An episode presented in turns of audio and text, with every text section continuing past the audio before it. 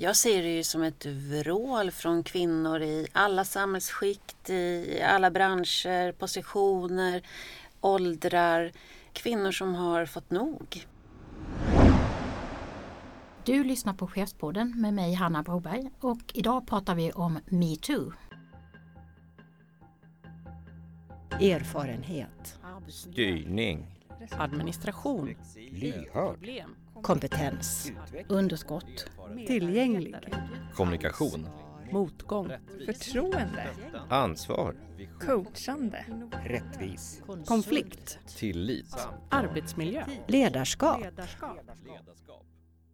Hej och välkomna till Chefspodden med mig Hanna Broberg. Chefspodden görs av Svensk Chefsförening och Akademikerförbundet SSR.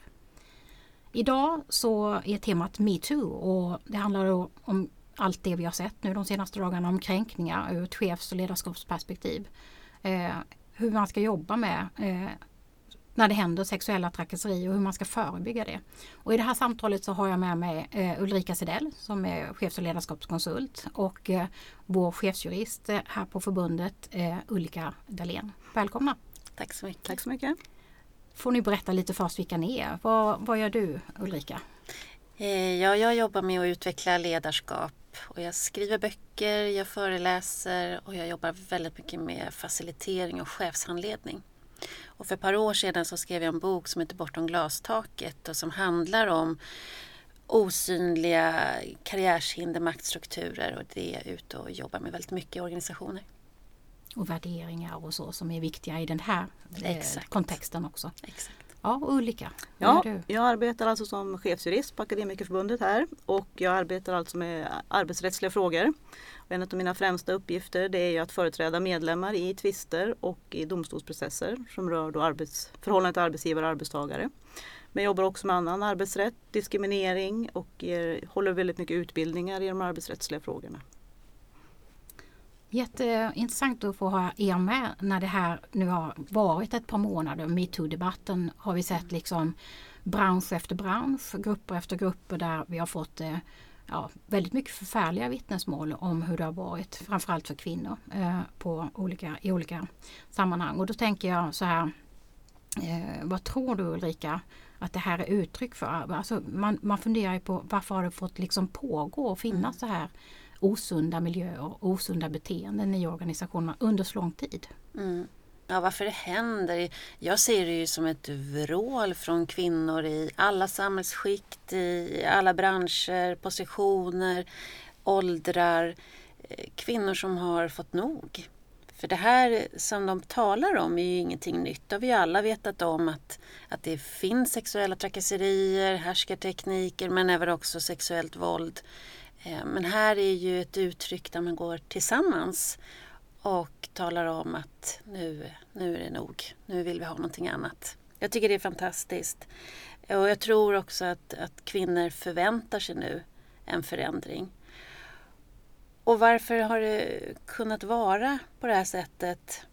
Eh, osunda miljöer, det, det, det är ju en, en knepig fråga. För vad är det som har gjort att det har kunnat hålla på så länge och kunnat eh, det kanske vi kan prata lite mer om. Det handlar ju om de strukturerna som vi ser, den könsmaktsordningen och så vidare. Men det kommer vi vidare till. Och vi kan komma tillbaka också hur man som chef och ledare kan jobba med det här för att få en eh, ordentlig förändring i sin organisation. Mm. Ja, eh, absolut. Men, men du tror som, som många lyfter nu det här med att, att det faktiskt kan få bestående förändring. Jag tror, att man, jag tror inte kvinnor kommer att gå med på någonting annat. Jag tror att det finns en förväntan nu att det kommer att göras skillnad. Och jag tror, inte, jag tror att de flesta män också, nu säger jag kvinnorna för det är de som gör uppropet, men jag tror också att väldigt många kvinnor och män vill se någonting annat. Nu när det har blivit så synligt och tydligt att det här pågår i vårt samhälle är att nej, vi, jag, jag tror att vi kommer nu att se en förändring. Men hur den kommer att se ut lagstiftningsmässigt och på arbetsplatser och hur man kommer jobba. Det är en viktig fråga att börja Och- bena i. Och det ser ju ut som det är ganska olika hur organisationerna nu tar tag i och förhåller sig till det också. Mm. Och det, jag, jag tror att för att överhuvudtaget förstå det som pågår på arbetsplatserna så tror jag att vi måste prata om den här maktskillnaden som är mellan kvinnor och män i vårt samhälle. Det är ett privilegium att vara man i vårt samhälle. Inte alla män och inte alla stunder, absolut inte. Men generellt sett, män tjänar mer än kvinnor. Män har hö, betydligt fler höga positioner än kvinnor. Män har större talutrymme än kvinnor när man mäter det i de flesta forum. Eh, det här finns Eh, och det vi ser också i metoo det är ju att det är mycket ofta män med mer makt än kvinnorna som är utsatta som har utsatt kvinnor. Eh, så det är en maktstruktur som vi behöver synliggöra och behöver prata mer om för det här är ju någonting som begränsar både män och kvinnor. Eh, de här tydliga könsrollerna. Eh, och det är där vi måste börja jobba. Vad tänkte också, tror du på sikt då om det förändrar vår organisation och våra attityder och liksom eh, oss, oss själva. Det, mm. det påverkar självklart också eh, framtidens chefer och ledare. Ja, ja. Vad tänker du om det? Jag tänker att det här visar att det här finns och i den höga grad som det finns visar att chefer behöver utbildning i gender, i genus för att få syn på de här strukturerna. Eh, för dem, jag är övertygad om att alla ser dem inte. Eh, alla upplever dem inte. Ehm, vi behöver prata om, jag sitter i en, en styrelse som heter Fatta som jobbar mycket med de här frågorna och det vi har sett där när vi har börjat jobba med killarna och har killmiddagar till exempel eh, det är ju att väldigt många män har inga män att prata med när det gäller känslan av utsatthet, sårbarhet, rädsla för misslyckanden. Vi behöver prata om det, men vi behöver också prata om kvinnors utsatthet i, i den här maktordningen. Och det behöver vi göra även på arbetsplatser och i ledarskapet för att kunna börja göra annorlunda. Spännande. Andra sorts eh, ledarutbildningar, andra sorters samtal. Ja, ja. exakt. Men då vill jag vända mig till dig Ulrika och höra hur ser lagstiftningen ut när det gäller sexuella trakasserier? För det är ju viktigt, som, inte minst som chef, att faktiskt ha den kunskapen i bagaget. Absolut, absolut det är jätteviktigt. Eh, och då kan man ju säga då att diskrimineringslagen ställer ju krav på arbetsgivaren att ha ett förebyggande arbete för att motverka sexuella trakasserier. Och det i lagen kallas det för aktiva åtgärder. Och då kan man fråga sig vad är det då? Eh, då har man definierat det och så har man sagt att en arbetsgivare ska jobba med det här i fyra steg. Och då ska arbetsgivaren i första hand undersöka om det finns risk för sexuella trakasserier i verksamheten. Och när man har gjort den undersökningen så ska man sedan analysera orsakerna till att de här riskerna då för sexuella trakasserier finns. Och sen då med det, den analysen så ska man då genomföra åtgärder vad som krävs då för att förebygga att de här sexuella trakasserierna förekommer och förhindra dem. Och sen så ska arbetsgivaren då i ett fjärde steg följa upp och utvärdera hur blev det här arbetet. Och det här är ett arbete som inte bara ska ske en gång. Det här ska ju vara ständigt pågående verksamheten. Och det kan man ju koppla lite grann nu till det här metoo. Det här får inte bara vara en sak som som kommer upp vid ett tillfälle utan det här är någonting som en arbetsgivare ständigt ska arbeta med. Så även om man kanske just nu passar på att lyfta den här frågan just för att metoo-debatten är som den är. Det är ett väldigt gott tillfälle ja. att göra det. Mm. Så får det inte bli liksom engångshändelser Nej. nu framöver. Precis. Fast jag tänker också, är inte det ett bevis på att man inte har jobbat med den här frågan? Att kartlagt eventuella sexuella trakasserier mm. och vidtagit åtgärder för att titta på riskerna. Precis, det tror jag. Och det är väl här också nu som kanske också det bygger på att dels att de ska undersöka men också i viss mån när det händer att individer anmäler. Och att det väl varit en tysthetskultur kring det. Så att nu kan det också vara att fler vågar träda fram och arbetsgivaren då har större, upplever sig ha större krav men de har alltid haft de här kraven. Och då har man skyldighet att hantera det. Och vi kommer tillbaka till det, det sen. Ja. till. Men, jag, men jag skulle också vilja tillägga förutom då eh, att man ska jobba så här systematiskt med det här och för att förebygga och, och förhindra eh, så ska arbetsgivaren också ha skriftliga rutiner och skriftliga riktlinjer för hur man arbetar med det här. Och det är viktigt då att de här rutinerna och riktlinjerna de ska vara uppdaterade hela tiden. De ska vara tydliga och framförallt så ska de vara kända för alla i organisationen. För chefer, för medarbetare, vikarier, nyanställda. alla som finns. Sig till. Ja, precis. Ja. Mm. Och det kan vi också titta på då. Vad ska de här riktlinjerna innehålla? Och tanken är ju att eh, själva riktlinjen ska väl vara då att man ska konstatera att på den här arbetsplatsen så accepterar vi inte att få förekomma sexuella trakasserier. Rutinerna tar mer in, inriktning på att man ska klargöra för hur ska då arbetsgivaren och representanter för arbetsgivaren arbeta om då det, det uppstår eh, eller påstås upp, inträffat en sån här händelse. Eh, och då kan man säga att man kanske ska ha med en beskrivning. Vad är ett oacceptabelt beteende? Eh, tydliggöra var gränserna går och det ska också framgå, som är väldigt viktigt som du tog upp här, att eh, till vem ska man vända sig om man anser sig utsatt? Eller också att man ser att någon är utsatt. Vem ska jag vända mig till? Vem hos arbetsgivaren är det som ska ta emot en sån här anmälan? Och det ska också tydligt framgå då här, vem är det som ansvarar för att göra den här utredningen sen då? Och kanske också då beskriva hur ska den här utredningen gå till? Vad är det som ska, vilken ordning? Och det är väl här det är bra för en chef att veta så man har tydliga instruktioner att hålla sig till. Ja, verkligen. Och att alla också i organisationen vet att anmäler jag så kommer det tas om hand och på vilket sätt och man känner till det. Så det kan man ju säga att om man inte har de här sakerna på plats nu så är det verkligen hög tid att se till att man skaffar sig det. Absolut. Man är ju väldigt utsatt som chef om, Ja. om man inte har det här förberett och det nu kommer upp ett antal händelser i Mm. organisationen. Gamla eller nya Ja, händelser. precis.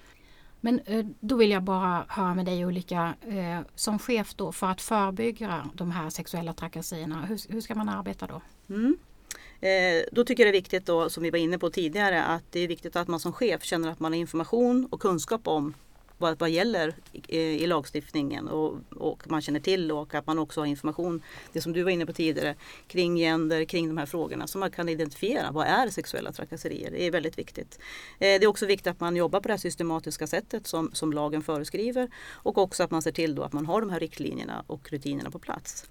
Eh, jag tycker att man som chef också ska tydliggöra att eh, det här är sexuella trakasserier är något som inte får förekomma i verksamheten och att det tydliggörs.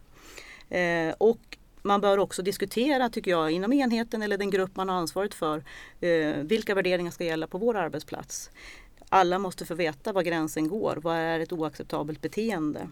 Och man kanske kan diskutera egentligen vad är sexuella trakasserier? Det är inte alla som kanske helt känner sig klara över det. Och samtala om det Precis. på arbetsplatsen. Ja, och ett bra sätt då det tror jag är att utgå från eh, olika exempel, konkreta situationer som kanske har inträffat eller som man har hört om på andra ställen och diskutera vad, hur ser vi på det här? Var går gränsen? Var det här liksom acceptabelt eller inte? Och jag tror det är viktigt att man skapar en kultur där man vågar säga ifrån. Finns det en tystnadskultur så måste den brytas. Eh, Det tror jag är jätteviktigt. Och att man som chef, man är en förebild och man ska arbeta inkluderande och ha en, se till att man har en jämlik arbetsplats. Arbetsmiljön skapas ju av hur vi beter oss i vardagen. Tillsammans. Tillsammans. Men jag tänker när det här med att prata om vad är egentligen sexuella trakasserier. Den blir ju så oerhört viktig för det märks ju också i det här uppropet att det är så många som säger Jag har inte ens tänkt på det. Att om jag går upp i en med en presentation i min arbetsgrupp och drar mitt case, kommer tillbaka och någon säger så här, jag, jag hörde inte riktigt vad du sa för du har så snygga ben. Är det sexuella trakasserier? Jag tror många bara tänker ja, ja, det en kommentar och så kör man vidare. Att det är också att börja prata om det här tysta som vi inte Ja. pratar om. Och att man kanske också vänjer sig vid en jargong. Exakt. Att man, det normaliseras och då till slut så är man invand i det mönstret och reagerar inte. Mm. Och då kan det liksom accelerera också när man ska uttrycka Ja. att det blir värre och värre. Och den Så- su- sunkiga eh, kulturen eller så, den har man ju också ansvar som Ja. chef att, att arbeta med. Precis. Av flera skäl. Precis. Jag tror också det är viktigt bara att lägga till att eh, som chef att man tar upp den här frågan i många olika sammanhang. Mm. Att kanske vid när man nyanställs, vid introduktionen, på medarbetarsamtal, personalkonferenser. Vilket gör att man medvetandegör arbetstagarna om de här sakerna. Det visar att man har ett fokus på det, Ja. att man eh, lägger vikt vid det också. Absolut, verkligen. Precis. Jag, jag eh, tänker om då det kommer en medvetare, för det, det tror jag precis som du sa Ulrika, nu med de vittnesmål som har varit och så, så börjar man känna ju igen saker som man kanske hade förträngt eller liksom inte riktigt noterat eller, eller liksom sopat bort lite. Eh, att man känner igen saker man själv har drabbats av. Det kan ju vara ganska gamla saker eller nya saker och man faktiskt kommer nu till sin chef och säger det har hänt saker eh, som jag vill eh, anmäla och som jag vill att ni tar tag i. Vad gör man då som chef? Då finns det också en bestämmelse i diskrimineringslagen som ålägger arbetsgivaren en skyldighet att utreda och vidta åtgärder mot sexuella trakasserier. Och det innebär alltså om en arbetsgivare får kännedom om, som man säger då, får veta att en medarbetare anser sig ha blivit utsatt för sexuella trakasserier om någon som utför arbete för arbetsgivaren. Då är arbetsgivaren skyldig att utreda omständigheterna kring de här trakasserierna och sen ska man då vidta åtgärder i syfte att förhindra att det här sker, att det stoppas och att det inte sker i framtiden. Och då är det jätteviktigt att arbetsgivaren agerar snabbt. Att man då startar en utredning direkt om vad som har hänt. Och i en sån utredning så gäller det att prata med den som har anmält. Man ska lyssna och visa stöd. Det här är ofta människor som är väldigt utsatta. De kan behöva extra stöd. av- dåligt. Precis, mår dåligt. Kan behöva stöd i form av samtal, företagshälsovård eller annat. Man måste också prata med den som anmälts. Och den här utredningen är viktig att komma ihåg att den ska utföras diskret. Det här är ju känsliga saker så man måste ha hänsyn och respekt till de som är inblandade.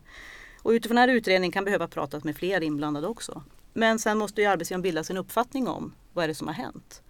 Och eh, sen då utifrån det sen vidta åtgärder för i syfte då att få stopp. Och det går inte att säga exakt vilken åtgärd som ska vidtas i varje fall utan det blir utifrån omständigheterna i det enskilda fallet. Då. Och här är det väl viktigt att säga att ofta är det ju också HR-avdelningarna som har mycket kunskap Ja. kring det här. Så att chefer inte ska känna sig helt själva och ensamma i, i det arbetet utan att de tar stöd Ja, precis. eh, och jobbar kring det arbetet. Men jag tänker också, vi pratar ju mycket om, i de här lägena pratar man mycket om den som är drabbad, att det finns företagshälsovård och sådär. Man får inte heller glömma den som drabbar. Att den kan också behöva stöd Absolut. och hjälp. Allt ifrån att den själv befinner sig i en, i en svår situation. Men det kan också vara så att den här personen behöver bli medveten om den här kulturen, machorollen och sin egen eh, oförmåga i, i det här. Det, det kan vara jättesvåra saker. Vad Så det behöver gjort. också en plan för den personen, tänker jag. Håller med om det. Sen kan man väl också säga att eh, i det här så är det väl också bra sen då att man följer upp och ser vad blev det, de konsekvenser och de åtgärder vi vidtog? Har nu de här trakasserierna, om det var så, upphört så att säga? Va? Det är också väldigt Mm. Och viktigt. sen kan det ju leda till andra konsekvenser också Ja, om det precis. har varit Ja. allvarliga fall. Och som, som chef och arbetsgivare är det också viktigt att dokumentera. Vad, hur har vi utrett? Vilka åtgärder har vi vidtagit? Så man har den dokumentationen eh, sparad sen. Sen kan jag också tycka att har man fått en anmälan då kanske man också ska fundera på är det här ett, ett eh, tecken på att det finns problem på arbetsplatsen? Man kanske då ska gå in i det förebyggande arbetet och efter en sån här anmälan se över organisationen, informera och utbilda utifrån en sån här incident. Då. Och sen vet vi också att eh, några väljer också att ta extern utredningshjälp i, i de här fallen. Och det kan väl vara beroende på hur organisationen ser ut och vem det är också både som har anmält och, och som är anklagad. Mm. Eh, att det kan vara värt att, att få en eh, oberoende granskning i vissa fall. Absolut, och det kan vara att man känner att man inte själv har kunskapen i organisationen. Det kan väl också bero på att det kan vara, beroende på vilka som är inblandade, att det kan vara lämpligt om det är en väldigt hög chef att man lägger det externt än att man utreder då utreds av en annan kollega eller en annan chefskollega så att säga som representerar arbetsgivaren. Så det kan ju vara i vissa fall också att lägga ut den här utredningen externt.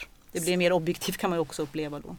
Sen vet jag att företag ibland också har skapat, i med anledning utav den här metoo-debatten, har skapat anonyma forum där man kan höra av sig för att prata om vad är det jag egentligen är utsatt för? Är jag utsatt för någonting? När man känner sig osäker och man vill fortfarande vara anonym.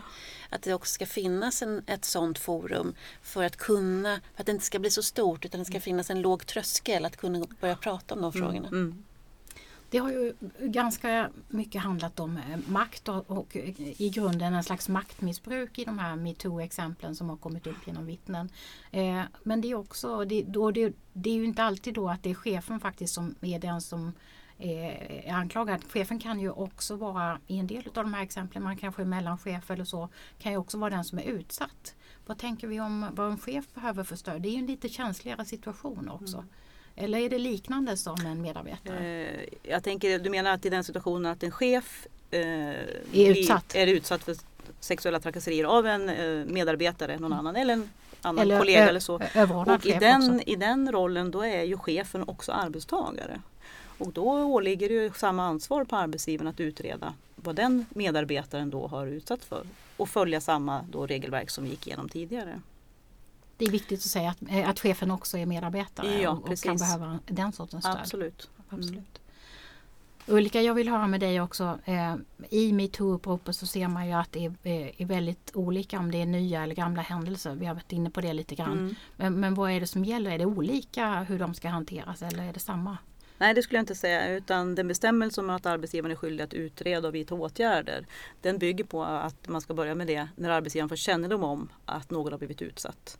Så att eh, det kan vara gamla händelser och arbetsgivaren är i alla fall skyldig att utreda. Sen kan det få konsekvenser för vilka åtgärder man behöver vidta. Har, finns personen eller de berörda personerna kvar i arbetet eller inte? Har trakasserierna upphört ändå? Så det kan kanske få konsekvenser för vilka åtgärder man vidtar. Men man är ändå skyldig att alltid utreda. Hur ser ni på om chefer har rätt kunskap och, och eh, tillräckligt stöd för att klara att göra det här arbetet på ett bra sätt? Tror ni det är så? Jag tycker det här, eh, hela debatten i samhället nu visar väl att det behövs mer kunskaper. Både om det vi har pratat om, gender och genusstrukturer, men också kring arbetsmiljölagen och diskrimineringslag. Vilket ansvar man som chef faktiskt har att kartlägga och motverka trakasserier. Ja, jag kan bara hålla med om det. Att hela det här visar väl att det behövs kunskap och information om och eh, att man också tar tag i de här frågorna. Och, och metoo har ju verkligen varit i alla typer av miljöer, alla typer Mm. av organisationer. Det är ju otroliga vittnesmål. Men, men vad tänker ni om det, det som metoo nu har öppnat dörren för? Hur ska vi ta vara på det då? Liksom, vilka möjliga förändringar ser vi nu här framöver? Med, eh, vi har varit lite inne på det, att det kommer inte att bli som förut i alla fall. Förhoppningsvis inte. Jag tror det finns ett före och ett efter. Det, det tror jag. Ehm, nu är det ju upp till ledare och chefer i organisationer att visa på att de tar det här på allvar. Och det är också en del av att vara en mer attraktiv arbetsgivare. Att ge kvinnor och män samma möjligheter och förutsättningar. Och här behöver man ju jobba med att utvärdera sin kultur, jobba med sin kultur. Eh, men också titta på representativa positioner. Hur ser det ut i vår organisation? Eh, för trots allt så är det det är där det blir synligt. Absolut. Och ges, I det här mellanrummet sker det här maktspelet och en del av maktspelet är sexuella trakasserier. Ibland hamnar, ja, förlåt, Nej, jag tänkte bara komplettera eller eh, håller med om vad du säger och att eh, det här är ett strukturellt problem. Och att det handlar om makt i, i grunden så att säga och att det är väldigt viktigt att man fortsätter att synliggöra det här och att man försöker förändra nuvarande mönster och normer. Det är det det handlar om. Nej, och att man vågar ifrågasätta och säga ifrån. Det är jätteviktigt. Det- Och det och då- kommer man att fortsätta med nu tror jag. Med det här. Och då tror jag också att det är otroligt viktigt att arbetsgiv- arbetsgivaren visar att det blir konsekvenser av Ja. att man gör en anmälan. Mm. Det blir konsekvenser av att man har överträtt regler. Eh, Det blir otroligt väsentligt i signalsystemet Mm. ut så att medarbetare och chefer vågar anmäla och vågar prata om de här frågorna. Och då tänker jag, det är ju lätt att man liksom vill göra någon slags aktivt, någon slags åtgärd och liksom man vill ha löst det här så, så nu är vi klara med det. Och ni pratar mycket om att det här ska pågå ständigt. Man ska göra sådana här riskbedömningar och man ska jobba med kulturen hela tiden. Eh, då tänker jag till exempel ska man ju ha en bra policy på plats. Eh, hur, vad innehåller den och hur tänker man? Det är inte bara ett dokument man skriver utan den måste man ju jobba väldigt aktivt med. Hur, hur, hur bör en policy vara? Hur, hur jobbar man med den? Mm. Jag tänker att det är lite grann vad vi pratade om tidigare, det här med riktlinjer och rutiner. Eh, och att i den policyn så ska du då ange hur ser arbetsgivaren på det här? Jo, man vill inte att det ska förekomma i, i verksamheten. Tydliga signaler. Tydliga signaler. Och att man också då ska hantera vad gör man om det då ändå trots allt inträffar och ha rutiner för det. Och som du var inne på att man ska veta att anmäler jag kommer det omhändertas. Det kommer att bli konsekvenser så att säga. Va? Alla vet det. Och att man ständigt jobbar för att de här eh, riktlinjerna och rutinerna ska vara kända i personalen. Jag tror att man har det här på papper någonstans men det kanske inte är ett levande dokument. Utan det måste vara väldigt känt i organisationen och något som är ständigt pågående arbete och, och levande och kanske också förändras och utvecklas. Man, man Oj. måste se att det som finns i pappret faktiskt finns i verkligheten också Ja, i precis. organisationen, eller hur? Och jag tror att man behöver vara medveten om att det här är ett beteende som i vissa kulturer är så vanligt så att det har blivit en normalisering kring det. Så det kan vara svårt att se men vi behöver jobba med övningar, värderingsövningar tillsammans i arbetsgruppen. Det finns flera organisationer som har gendercoacher, räddningstjänsten till exempel har det, polisen har använt det. Eh, Jag handleder en normkritiskt ledarskap. Alltså man behöver få hjälp och stöd och få se de här, det som man inte ser. Eh, För det är det också många som säger nu, tänk det, vi har inte ens vetat, vi har inte förstått att det har varit i den här omfattningen. Och framför allt är det ju män som säger det. Väldigt många andra kvinnor säger att ja, det är så här det är. Om man bortser från det här väldigt grova övergreppen som är polisiära ärenden. Eh, Så att, jag, att jobba med värderingar och som chef, om man är chef över andra chefer, också se att det finns, här behöver man hjälp, man behöver kunskap. Det här är inte bara att skriva en policy Nej. och så är, är det klart. Men metoo blir säkert en start för väldigt många chefer att ta upp det här arbetet och då vet vi att tillsammans med annan eh, tung administration, kanske hög personalomsättning, en massa andra faktorer som är verklighet för våra chefer idag, så blir ju det här en ny sak som ligger på skrivbordet som jag måste lösa på något sätt. Mm. Hur, hur tror ni att man liksom skapar eh, ja, utrymme och tid i sin organisation att man integrerar det här på något bra sätt så att det liksom blir en del utav ja, men ledarutvecklingsprogram. Du var inne tror jag Ulrika på introduktion för nya medarbetare. Så hur kan, och du är inne på att man behöver stöd, kanske någon extern som kommer och hjälper att facilitera en del av den här typen av diskussioner. Mm. Nej, framförallt så tror jag det handlar om att, att eh, vara tydlig med att vi inte vet. Och att eh, sen när man pratar om de här frågorna, jämställdhetsfrågan har ju alltid haft en tendens att bli en process vid sidan av verksamhet. Det är en stödprocess. Men därför tror jag också det är otroligt viktigt att se att det här är en rent som man brukar kalla för affärskritisk fråga. För det vet vi idag i balanserade organisationer där det finns både kvinnor och män på hela, alla position, alltså från toppen och neråt. Där har man ökad takt och produktivitet. Man har en ökad välmående. Det finns en ökad innovationstakt. Både internationella och nationella studier som visar det. Så man behöver också ta in det här som ett, det är ett strategiarbete. Det är ett strategiskt arbete för att få en produktiv organisation och inte en stödfunktion. Det tror jag är viktigt. Det är liksom nycklarna till mycket av framgången på Ja. organisationen. Ja. Det är spännande att, att försöka se det så istället för en, en, liksom ett problem som, som ska lösas och sen är det är fixat och klart. För många pekar ju också på att det har liksom varit sunkiga kulturer. Alltså det handlar mycket om att bygga en kultur där vi har en sund dialog, att vi har ett sund, sunda värderingar och så. Och en arbetsmiljö som vi alla vill vara en del utav. Eh, Och jag tänker också att vi som medarbetare i en organisation, inte bara chefer, har ett ansvar för det, eller hur? Oh ja. Vi är ju varandras arbetsmiljö så att det är självklart att vi som enskild har man också ett ansvar hur man beter sig och tänker sig för. Och det tycker jag är lite spännande att se också hur det har varit nu i media. När man har varit ute och intervjuat eh, yngre människor har varit främst varit på olika arbetsplatser. Och främst då kanske unga killar som, som också säger det här har ju gjort att man också funderar och tänker till. Hur beter jag mig? Mm. Så det har ju liksom nått ut nu upplever jag. Så jag tror också att det är ett före och efter. Det kommer att Men också oerhört viktigt. Det är ju många som säger att det här kommer förändras med nästa generation. Ja. Att bara bli ett så generationsskifte länge kan vi inte vänta. så blir det skillnad. Och det finns mycket som pekar att det inte är så. Brå kom ut med en undersökning i, nu är det något år sedan, men där visade man ju att den grupp i samhället som mest var utsatta för sexuella trakasserier var unga tjejer mellan 16 och 24. Så det här är ingenting som förändras bara från Nej. nästa generation. Nej. Det är, det är tråkigt och tragiskt men det är inget som vinns automatiskt utan det måste vi ta ställning till medvetet helt enkelt. Eh, Jag tänkte bara också att vi ska avrunda det här med att eh, också hänvisa dig som lyssnar till att ringa till Chef Direkt eller till SSR Direkt på 08 617 44 00 om det är så att du känner att du behöver stöd eller hjälp med någonting som du har eh, varit utsatt för eh, i dina kontakter i organisationen och när du anmäler och så. Och känner att du inte har någon annan så finns facket och Svensk chefsförening för dig. Eh, Ulrika och Ulrika, är det några medskick ni vill göra som en avrundning eh, på vårt samtal nu?